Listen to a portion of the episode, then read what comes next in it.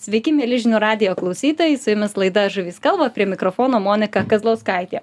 Sakoma, kad žmonės yra gimę keliauti ir ieškoti, o šiandienos studijos svečias, su kuriuo šiandieną ir kalbėsim, puikiausiai išpildo šitą posakį. Jis ne tik keliauja aplink pasaulį, bet ir pasitaikius progai leidžiasi į pačius neįtikėčiausius žuklės nuotykius, kokius laimikius toliausiose pasaulio kampeliuose jisai traukė ir kokia kokią žvejybos kultūrą atrado šiandieną mums papasakos žurnalistas ir keliautojas martynas starkus. Sveiki martynai. Labas monika.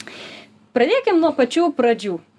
Dar po pasaulį pakeliausim. Visažinė vikipedija rašo kad jūs esate vilnietis ar ne taip nu kaip čia mes su radzevičium vis juokaujam šituo klausimu nes techniškai aš esu kaunietis nes aš gimiau kaune ir kaune gyvenau kokią savaitę gal net dvi. Paskui jau formaliai žiūrint. formaliai jo nes e, mano mano tėvų tėvai mano seneliai abudu kauniečiai tėvai susipažino studijuoti vilniuj išvažiavę. Tai tai aš gimiau kaune pas senelius jau saugioj prie pirmas giminėj anūkas tai ten reikėjo visiems dalyvaut tame. Taip. O paskui jau mane su tėvais išleido į vilnių ir nuo tada aš jau vilniuje kitur važiuodavau tik laikinai aplankyt tai va toks. Mhm. formaliai kaunietis bet praktiškai na esu vilnietis. Gerai tai jūs augot sostinėj o kur išmokot žvejot? Nes jau jeigu pasikviečiau šitą laidą tai aš suprantu kad jūs jau tikrai esat žvejas apie žvejybą ir jūsų laidose yra nemažai kalbama. Tai kur ta pirmą kartą užmesta meškerė buvo? Žinot monika žvejas gal toks skambus pavadinimas e, yra žvėjiškesnių už mane gerokai.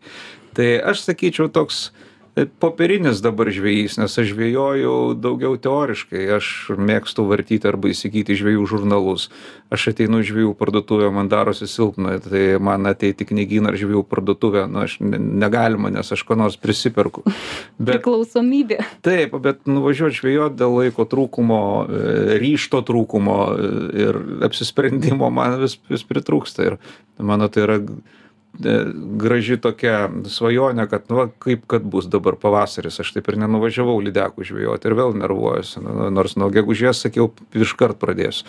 Žodžiu o pradėjau aš mano tėvas ne žvejys mama ne žvejė e, bet mes vaikystėje mano tėvai bendravo su daugybe žmonių ir vieni jų artimi draugai e, turėjo draugus kaime. Ir mus tiesiog miestiečius ten jie savo sūnų mes irgi išmesdavo į kaimą pas savo draugus kur mes padėdavom dirbt įvairiausius ūkio darbus prisidurdavom pinigų tvarkydami tuo tų laikų kolūkius tiesiog gyvendavom laukuose ir tuo pat metu žvejodavom iš mhm. kaimo žmonių vaikų išmokom žvejot mūsų pirma žvejyba klasikinė buvo iš lazdyno iš išdrožtas pagalys prie kurio buvo e, fiksuojamas e, tokie rinkiniai parduodami būdavo žvejybos parduotuvėse tai yra e, ant vieno pagrindo užvyniotas iškart paruoštukas valas mhm. plūdė svarelis ir kabliukas ir tokį užsivynioja ant galo lazdyno ir maždaug kiek ten to lazdyno ilgis yra ir tiek kiek kiek tas valas tiesiasi ir pradėjom žvejoti tai o koks ešerių- pirmas laimikis buvo atsimenat a nepasakysiu dabar Ne, bet manau, kad mano pirmieji, a, ir panašiai dar žvejodavau, kaip e, su tėvais išvažiuodavom atostogauti vasarą į Šventąją, Šventosios upėje. Tiek nuo beždžionių tilto, tiek kažkur aplinkui. Upė neplati, tas pats metodas visai tikdavo. Tai ešeriukai manau kad pirmas rimtesnis laimikis buvo didelis karšis molėtų rajone būtent nu karšiai karšiai ešeriai e, kuojos raudės matyt tos Mhm. klasikinės pūgžliai visos tos e, vaikystės žuvys Mhm, taip jūs jau užsiminėt kad esat popierinis žvejas ir instagrame paskaičiau rašėt taip aš labai mėgstu žvejoti bet tai nutinka itin retai. Tai kodėl taip save skriaudžiat ir neinat į žvejybą? Dažniau laiko trūkumas. Matot laiko trūkumu tu gali pateisinti daugybę savo neveiklumų e, nes jeigu tu labai nori nu nori labai labai tai tu Taip. tą ir padarai. Tai čia šiuo atveju greičiausiai būtų aš labai noriu bet nu žvejyba irgi kada tu nesi tu žinai kad reikia sportuot. Net tau pirmą antrą trečią kartą nueit yra kančia. Nu reik prisiverst reikia kad atsirastų ritmas. Žvejyba irgi tada tau reikia pagrin kokių dalykų. Vienas nevažiuosi nes nu nuobodu reikia draugo e, tada gerai būtų turėti valtį. Aš neturiu tai reikia draugo su valtimi. A tada reikia ką aš čia turėjau tų ai neatsimenu kokius ten snasčius tuos turiu ir į įrankius žvejybos reikia tada nusipirkt. Tada reikia išvažiuot bet tada kažkada grįžt reikia. Ar su nakvyne? Jeigu su nakvyne pavojinga nes kitą dieną galvą skaudės. O ta nu tokių tu įsiveli į savo visokias problemas gal per daug permastot tą žvejybos temą Absoliučiai sutinku, jo, taip, tiesiog aš sutinku, kad reikia tiesiog atsistoji, sėdi į mašiną, pasiemi meškerį ir važiuoji. Mhm. Čia Vilnius pas mus tokia unikali vieta pasaulyje, kur atplaukia rudenį vienus didžiausių pasaulyje, galima sakyti, lašišų neršti. Gal lašišas esat kada bandęs neryje Ne, pagauti? bet aš mačiau, kaip lašišos Aleskoje gaudomos ir, nu, kaip gaudomos jos plaukė šalia, mes buvom ką tik po neršto jų, tai unikalus vaizdas yra. Mhm. Jos plaukia prieš srovę į viršų ir jų daug ir kabliuko nereikia, tu gali pasimti rankomis. Tai, Taip. tai va, bet ne, aš, aš upinių žuvų, ne, aš net upėse, aš, aš, aš labiausiai mėgstu gaudyti lydekas. Mm.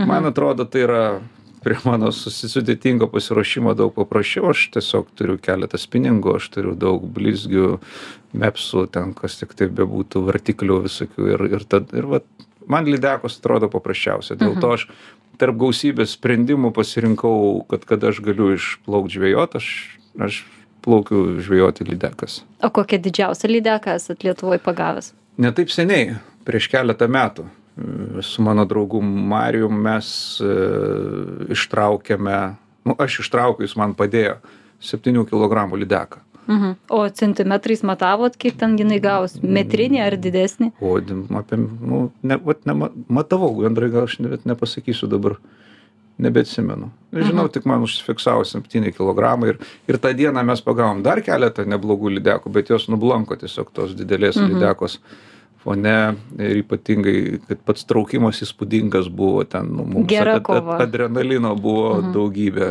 kur paskui tu net pamiršti, kur tas prieš tai buvusias 5 ar 10 minučių, ką tu veikėjai, nes tu buvai visas ten. Ir draugo krūvinos rankos, nes setelis kažkur įkrito į vandenį ir dar ten, nu, žodžiu. Mhm. Kur būna du tylus, po to laimingi ir besišypsantis vyrai sėdintis valtyje ir tyla tokia. Taip, ir jūsų naujausiam epizode, kurį mačiau per jūsų laidą, kur žvejojot ungurius naujoje Zelandijoje, klausėt, tai vis tik kas geriau, ar dvi mažesnės, ar viena didelė.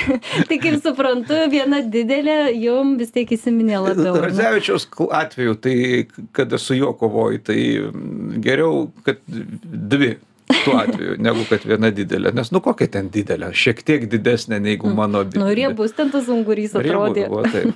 E, tai gal jo, aš, aš sutikčiau, man galbūt kiekybė yra svarbiau negu e, ko- kokybė. Tai, mhm. Kad dydis yra gal svarbiau negu ki- kiekis, bet nu, čia toks žaidimas. Čia net neseniai buvo atlikta apklausa žvėjų ir buvo klausima jų, ko jie siekia žvejyboj, tai vis tik didesnė dalis atsakė, kad jie nori pagauti trofėjinę žuvį. Kad geriau pagauti vieną didelę, nei kad daug mažų. Tai va jūs irgi, matau, Taip, kaip dauguma žvėjų. Taip, šitas gyvenimo žuvis, ne? Taip, tai, tai taip. būti. kad- O jūs kažkokią savo slaptą vietą žvejybos turit, kad vat jūs įsivaizduot, kad čia yra mano vieta, kad aš nuvažiuoju ir nieks apie ją nežino. Tai aišku, kada tam ežere aš ištraukiau tą lydeką, tai aš kelis kart irgi ten grįžau, nes galvojau, kad tokios lydekos ten manęs tik ir tyko. Mhm.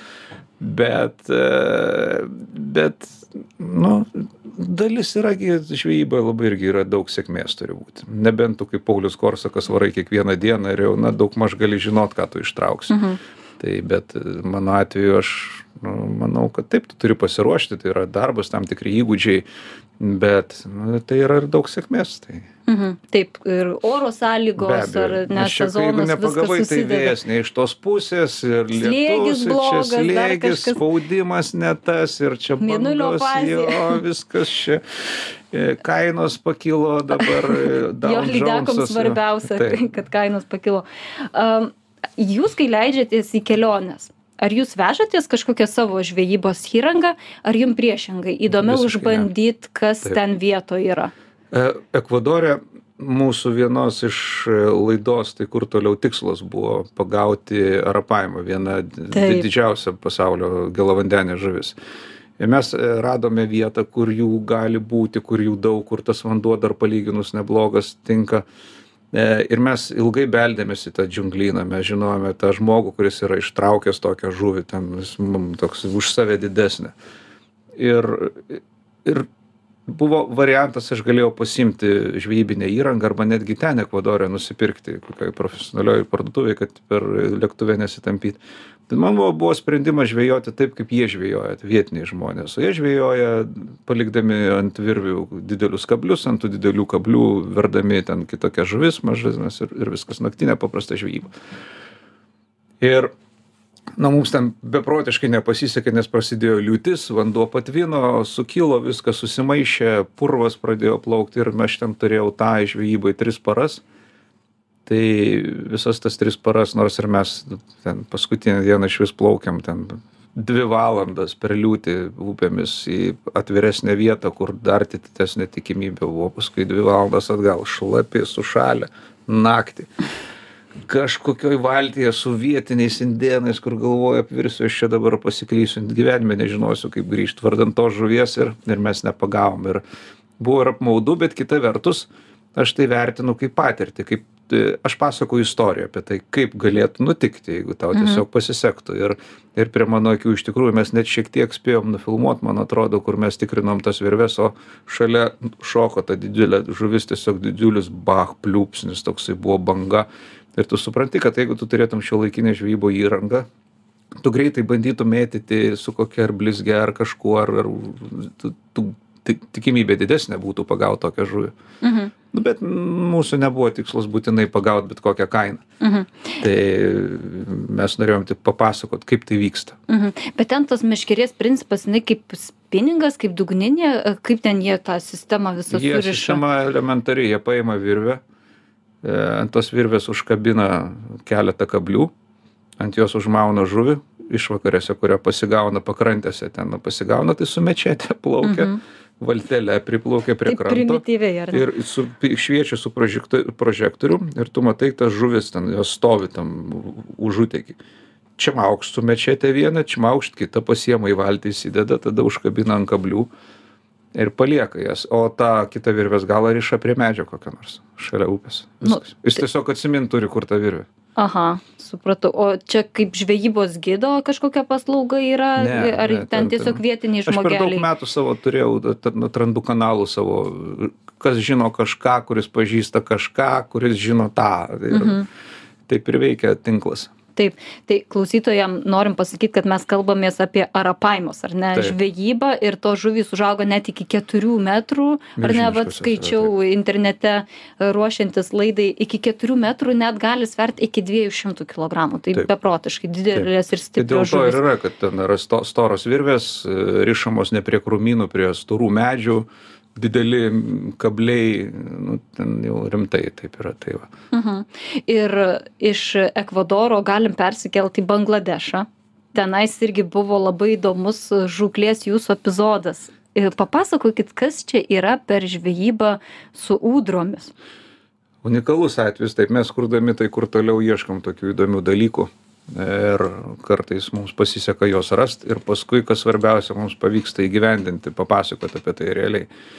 Tai aš buvau girdėjęs apie Bangladešę mirštantį, bet vis dar gyvą būdą žvejoti su ūdromis. Pirma mintis, kai aš sužinau žvejybą ūdromis, tai čia kas?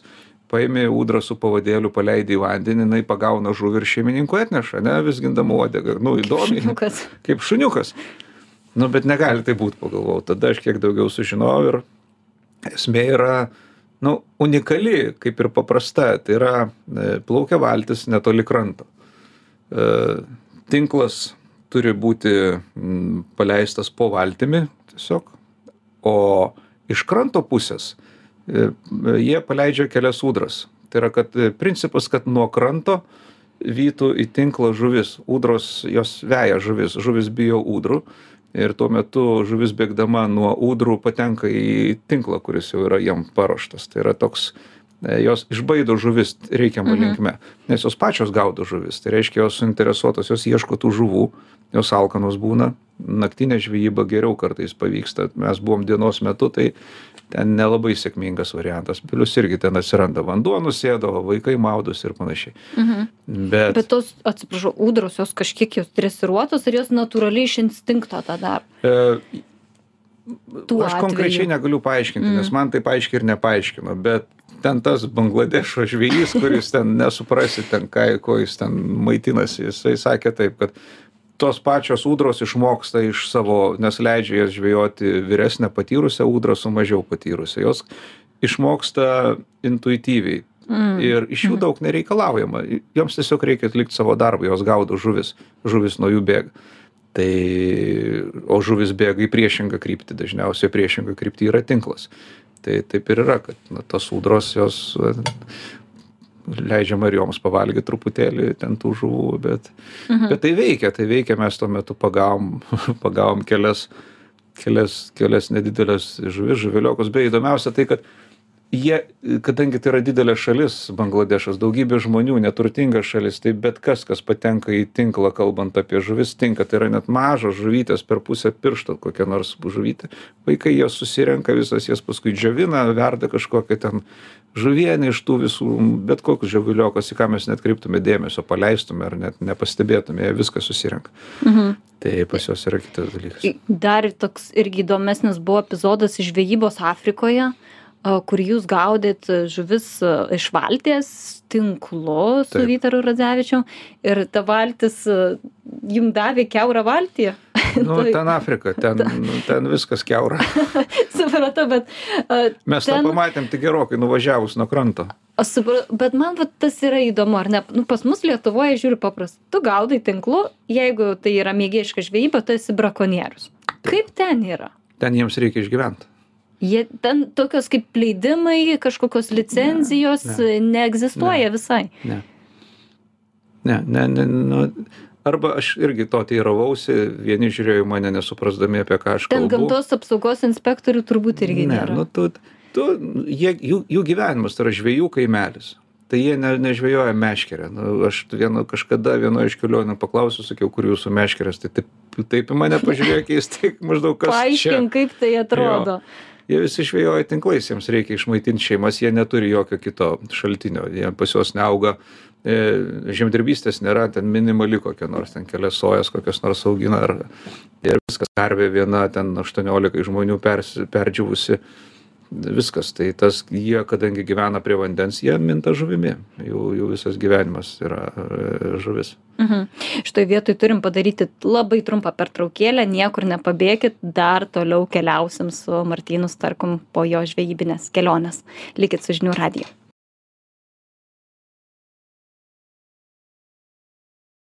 Sveiki sugrįžę, su jumis laida Žuvys kalba, prie mikrofono Monika Kazlauskaitė. Toliau su keliautoju ir žurnalistu Martynu Starkumi kalbamės apie jo keliones, apie jo maršrutus. E, prieš pertrauką kalbėjom apie Afriką, Bangladešą, Ekvadorą, dabar šiek tiek nukeliaukim į šiaurę. Mačiau Facebook'e rašėt, kad buvot Grenlandijoje. Tai labai įdomus ir unikalus pasaulio taškas. Ką ten veikėt, galbūt ir kažkur pavyko meškerę užmest. Aš buvau Grenlandijoje pavasarį. Tai reiškia, kad e, turbūt tinkamiausias laikas patekti į Grenlandiją, bent jau taip, kaip aš norėjau. Nu, taip, sudėtinga. Grenlandija yra sudėtinga patekti. Visų pirma, labai brangu. Visų antra, metų laikas yra toksai, kad žiema yra beprotiškai šalta, e, vasara daug uodų ir, ir, ir toks ištaikyti tinkamą momentą tu turi žinot, ko nori. Mano tikslas buvo papasakoti istoriją apie likusius ruonių medžiotojus kaip jie medžioja ruonius ir žvejoja. Tai mes, aš filmavau ir vieną, ir kitą, tai apie tai dar pasakosiu mūsų laidose, o, o, o žvejyba, e, jie iš tikrųjų, inuitai, jie gyvena žvejybos. E, ten yra kiek, 50 tūkstančių gyventojų valstybėje, tokia, tokia didžioji, kuria telpa ten kiek 33 Lietuvos ar panašiai. Tai aišku, didžioji dalis akmenys ledai, pakrantės yra miesteliai, tarp kurių nėra susisiekimo. Tu, tu turi arba plaukti pakrantę, arba skristi lėktuvu. Tai jie gyvena savo tą miestelį, jie, jie dažniausiai jie žvejoja. Ir ta žvejyba pas juos vasarą vyksta, aišku, laivais, o žiemą, žiemą jie žvejo, žvejoja taip, kaip mes matėm. Tu iš pradžių sėdi šunų kinkinį ir važiuoji į tam tikrą vietą į fiordus dažniausiai užšalusius. Arba žiūri šunų kinkinį arba roges į sniego mobilius. Ir e, jie ten yra tokių žvejybinių namelių kurie praleidžia tris keturias dienas e, ten turi krosnelę pasišildyt. Ir e, žiemą jie eketes kala o kartais pasiseka ledai juda ir ir kokia properša atsiranda tai tą properšą lengviau įkalt. Ir jie leidžia irgi tokius storus šniūrus labai ilgus E, kiekvienas iš jų turi mechanizmą, kuris suvynioja visą tai. Yra generatorius pastatytas, nes tu pats ryte sukdamas, nu, išprotėsi, ten labai didelį atstumą, 800 metrų, pavyzdžiui, virvė yra. Tai, ir ant kiekvienos yra pavadėlis su, su kabliu. Ant jo dedama yra žuvis, mėsa kažkokia žuvis dažniausiai mažesnė ir jie leidžia visas tas virves po vandeniu, po ledu. Po, po vandeninės rovės pagauna, neša iš kartolin.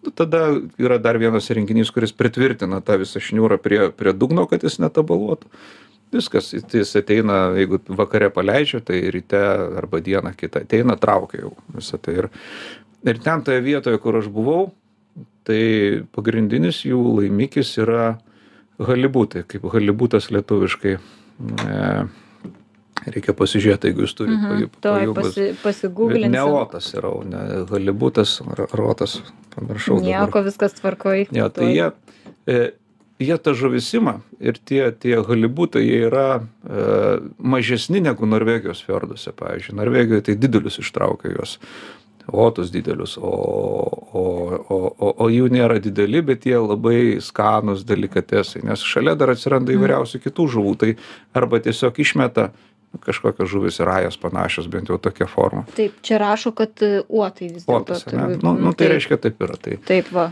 Tai otas, tai, tai jo, tai traukia otus, tik jie mažesni nei Norvegijos e, otai yra ir... Šita žuvis. Jo, jo, jo. jo. Ir tai vienintelė jiems vertinga žuvis. Mhm. O ten koks jūrų velnas ar kas tiesiog, nu, nu, kadangi ten irgi nebloga mėsa jūrų velnio, tai jie šunim sušeria o uotus krauna į dėžes ir tada tiktai juos paima ir ir ir ir parduoda. Ir išalkę pavyzdžiui man vaišina sako nori valgyt sakau jo gerai būtų čia sumuštinių turiu. Tai palauk ten toli iki rogių. Paima vieną uotą iškart išfiliuoja žalią žalią mėsą valgom. Nuostabiai skanu. Mhm. tai aš domėjausi apie grenlandiją daugiau e, per lašišinių žuvų žvejybą. Ten yra irgi tam tikri lodžai kur nuomoja ten jau žvejai irgi atvažiuoja dėl arktinių palijų dėl mhm. lašišų.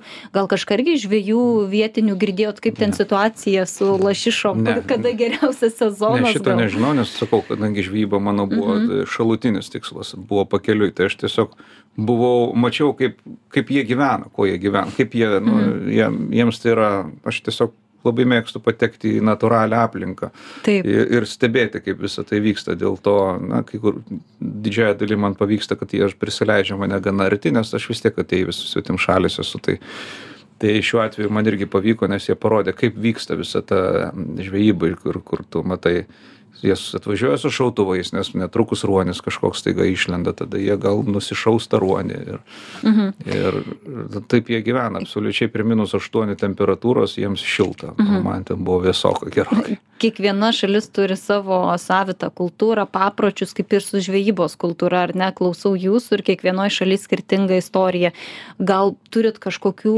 a istorijų kurių nepamatėt va žiūrovai prie vandens žūklėje ką galbūt neparodėt bet vat norėtumėt pasidalint gal kažką atsiminsit. Iš tokių gal kuriozų kokių nors įvyko. Arba istorijų iš pačių žvejų vargiai turbūt.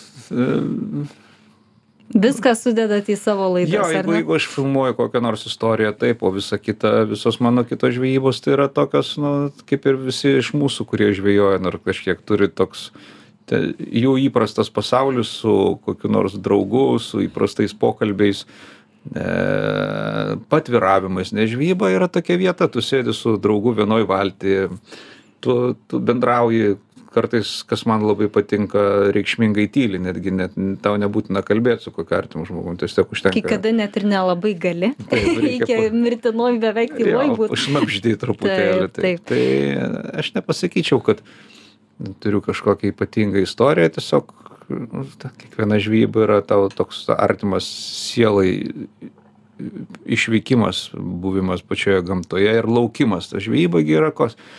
viltis tikėjimas ir tas Taip. pagavimo momentas yra pats svarbiausias ne nesvarbu paskui jau ta žuvis nes nesvarbu ką taip ir turbūt kalbant apie laidas man man įdomiausias procesas yra man įdomiausia nuvykt atrast kažką pamatyt e, postprodukcija montažas studija jau man ne taip įdomu iš viso to parodyti istoriją jau bet Mm. pats pats kelias kelias visuomet yra Mm. įdomiausia Man įdomus jūsų kelias, e, mačiau vaizdo įrašą, kur jūs nufilmavot e, po ledinės žuklės meškerytę, kuri visa juda vėjyje, sniega pusto nuo ledo. Kur Ai, ten buvo nufilmuota Norvegijoj.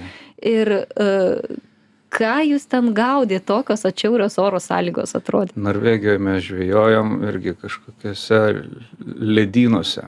E, Ar ne Norvegijoje, ne, ten Švedijoje, Švedijoje mes žvejojom, Švedijos ežere.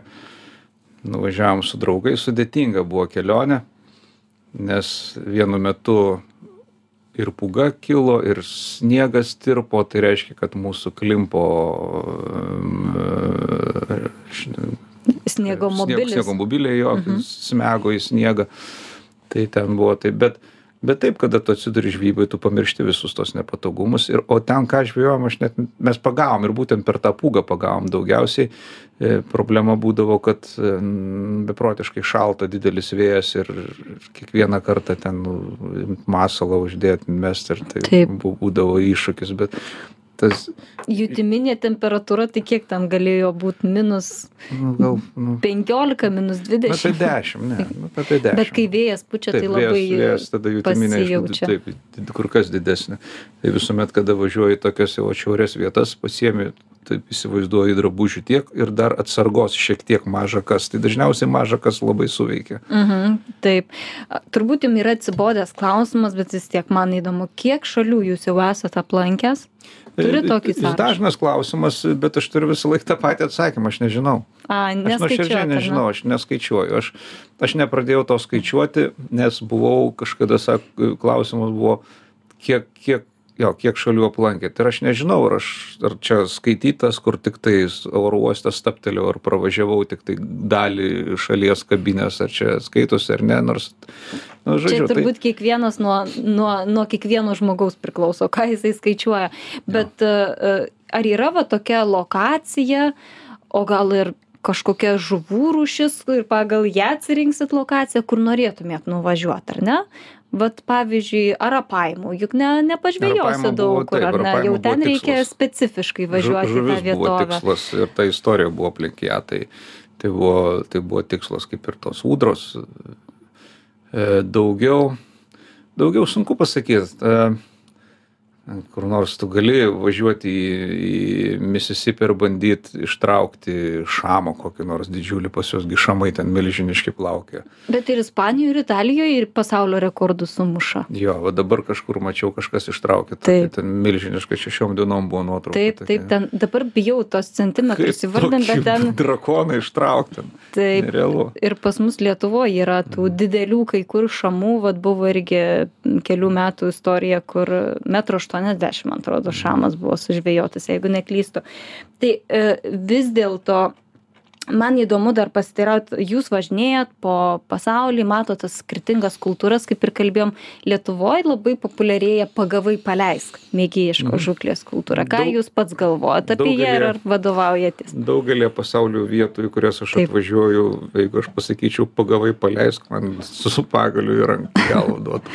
Taip, nu Nes- tai kai jie gaudo tinklais, tai Taip, jau jiems ten reikia, pagavai jiems paleisti. reikia išgyventi, jiems reikia valgyti ir na, pagavai paleisti yra daugiau pramoginis dalykas. Tai e, mano šiek tiek specifika ne ta ir, Taip. ir, ir, pagavai nešk namo virk. Mhm. greičiau, kad, kad nesugestų, va taip yra pas juos daugiau. Tai, tai bet iš principo, nu taip, tai yra, nu sutikime, tai yra vis tiek turtingesnių šalių. e, e, Jie, jie gali turtingesnės šalis, saulesnės žmonės gaudo. Žvejyba yra pramoga.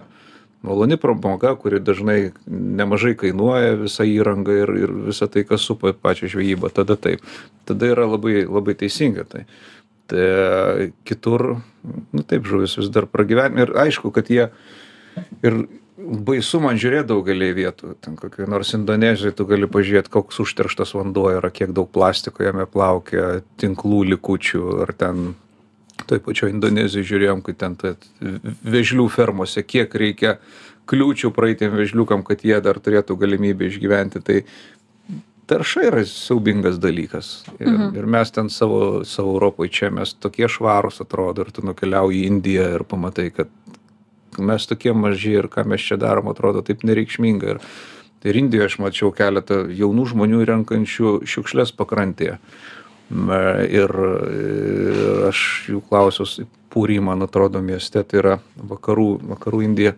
Sakiau, ką jūs čia darote, čia Sizifo darbas, nes čia tap tam, jūs sako, kažkas turi tą pradėti. Mm. Tai jauna karta yra tokie, kurie bando kovoti su to didelė tarša ir, ir ta idėja pagavai paleiskina irgi yra teisinga ir, ir, ir turėtų gyvuoti. Bet pasaulis netobulas. Dėja. Taip, taip. Ir pabaigai, Martinai, tai kur toliau? toliau į Filipinus važiuosiu. Aha, ką ten veiksit? A, Kokie, ten, dar ar turiu keletą istorijų. Dar turiu keletą istorijų. Kita, kitais metais aš tęsiu tai kur toliau sezoną. Tai mes pradedam rinkti tas įvairiausias dabar istorijas. Tai ir Grenlandija bus kitais metais, net kelios serijos. Ir, ir šiek tiek daugiau. Ir manau, kad ir žu, žuvavimo, žvejybos bus tose istorijose, nes. Nu, mhm. O kokios ten žuvis e, Filipinuose? Gal jau domėjote, žiūrėjot, kas ten kimba? A, ne, kol kas Filipinuose aš daugiau su gaidžiais kovojančiais užsiemiau ir visokiais lušnynais, bet ateisim ir iki, iki vandens. Mhm. O vasarą kažkur prisiruoši čia Lietuvoje? Taip, aš savo, išplaukt. savo prūdą įžuvinau, tai man dabar Tiksliai, įdomu. Tai, va, prūdą dar, ar ne? Man įdomu, dabar aš tik tai žuvinau, mokausi ir kitais metais gal pabandysiu kažką pagauti. Taip. Tai mhm. Aš padariau ten tokį įdomų miksą visai. Taip, Aha, ką įsileidot? Uh, yra, aišku, tai yra plačiakakčiai, yra amūrų kurie dirba savo darbą. Orfos mano atradimas yra nes oranžinės gražios žuvytės iš iš savanaudiškų paskatų nes jos valgo uodų lervas visokias ir Mhm. neduoda jiems veistis. Į užveisiau eršketų keletą. Tai keli išplaukė pilvais į viršų išsiaiškinau dėl to kad buvo labai daug buožgalvių jie persivalgė ir tie kenkė jiem toksiški. Tai tada dar paleidau keletą šamukų kurie valgytų tuos buožgalvius ir tai va tokia pas mane ekosistema dabar Puokštė, ar net kūrėsi dar tik tais, Jo, tai tu mokaisi Mhm. visą laiką, nes tada reikia tau apsodinti ir, ir tinkamais Augalais, augalais, mhm. ajerai turi ten lelyjos, kažkas tai būti. Tai, nu, man įdomu, aš žiūrėsiu, kas iš to pavyks. Visą Mhm. laiką yra judėjimas kažkoks. Mhm. Dalinkite savo įspūdžiais Facebook'e, mes būtinai paseksim, kaip jūsų Gerai, tvenkinys. Gera, gera mintis, ne, Tai- nebuvo apie tai sugalvos, bet nu, prisėsiu kada. Čia Lietuvoje yra labai daug žuvininkystės specialistų, jums patars, padės komentatoriai, pa, papasakos, Oi, tai ką čia tai- augina, kaip Čia aš augina, kai kiek stačiau namą, sakiau, kad Lietuva yra ne tik krepšinio šalis, bet ir statybininkų šalis, nes į tą patį klausimą visi atsakyti, ne, niekas taip nedaro, arba kitas Mm. teisingai ir aš taip dariau. Taip, mes esame unikali ekspertinė tauta, aš taip galvoju. Žmogiška tai yra. Visam pasauliu visą laiką sulauksi patarimų. Taip, nu mes labai nuoširdų žmonės. Taip. Mūsų laikas visiškai baigėsi, noriu padėkoti Martinai, kad užsukot į žinių radiją, papasakojot šiek tiek apie savo žuklės nuotykius. Prie mikrofono dirbau aš, Monika Kazlauskaitė, laida Žuvys kalba, sugrįšiu kitą trečiadienį tuo pačiu laiku. Dėkui, kad buvot kartu ir iki malonaus. Sėkmės. Viso.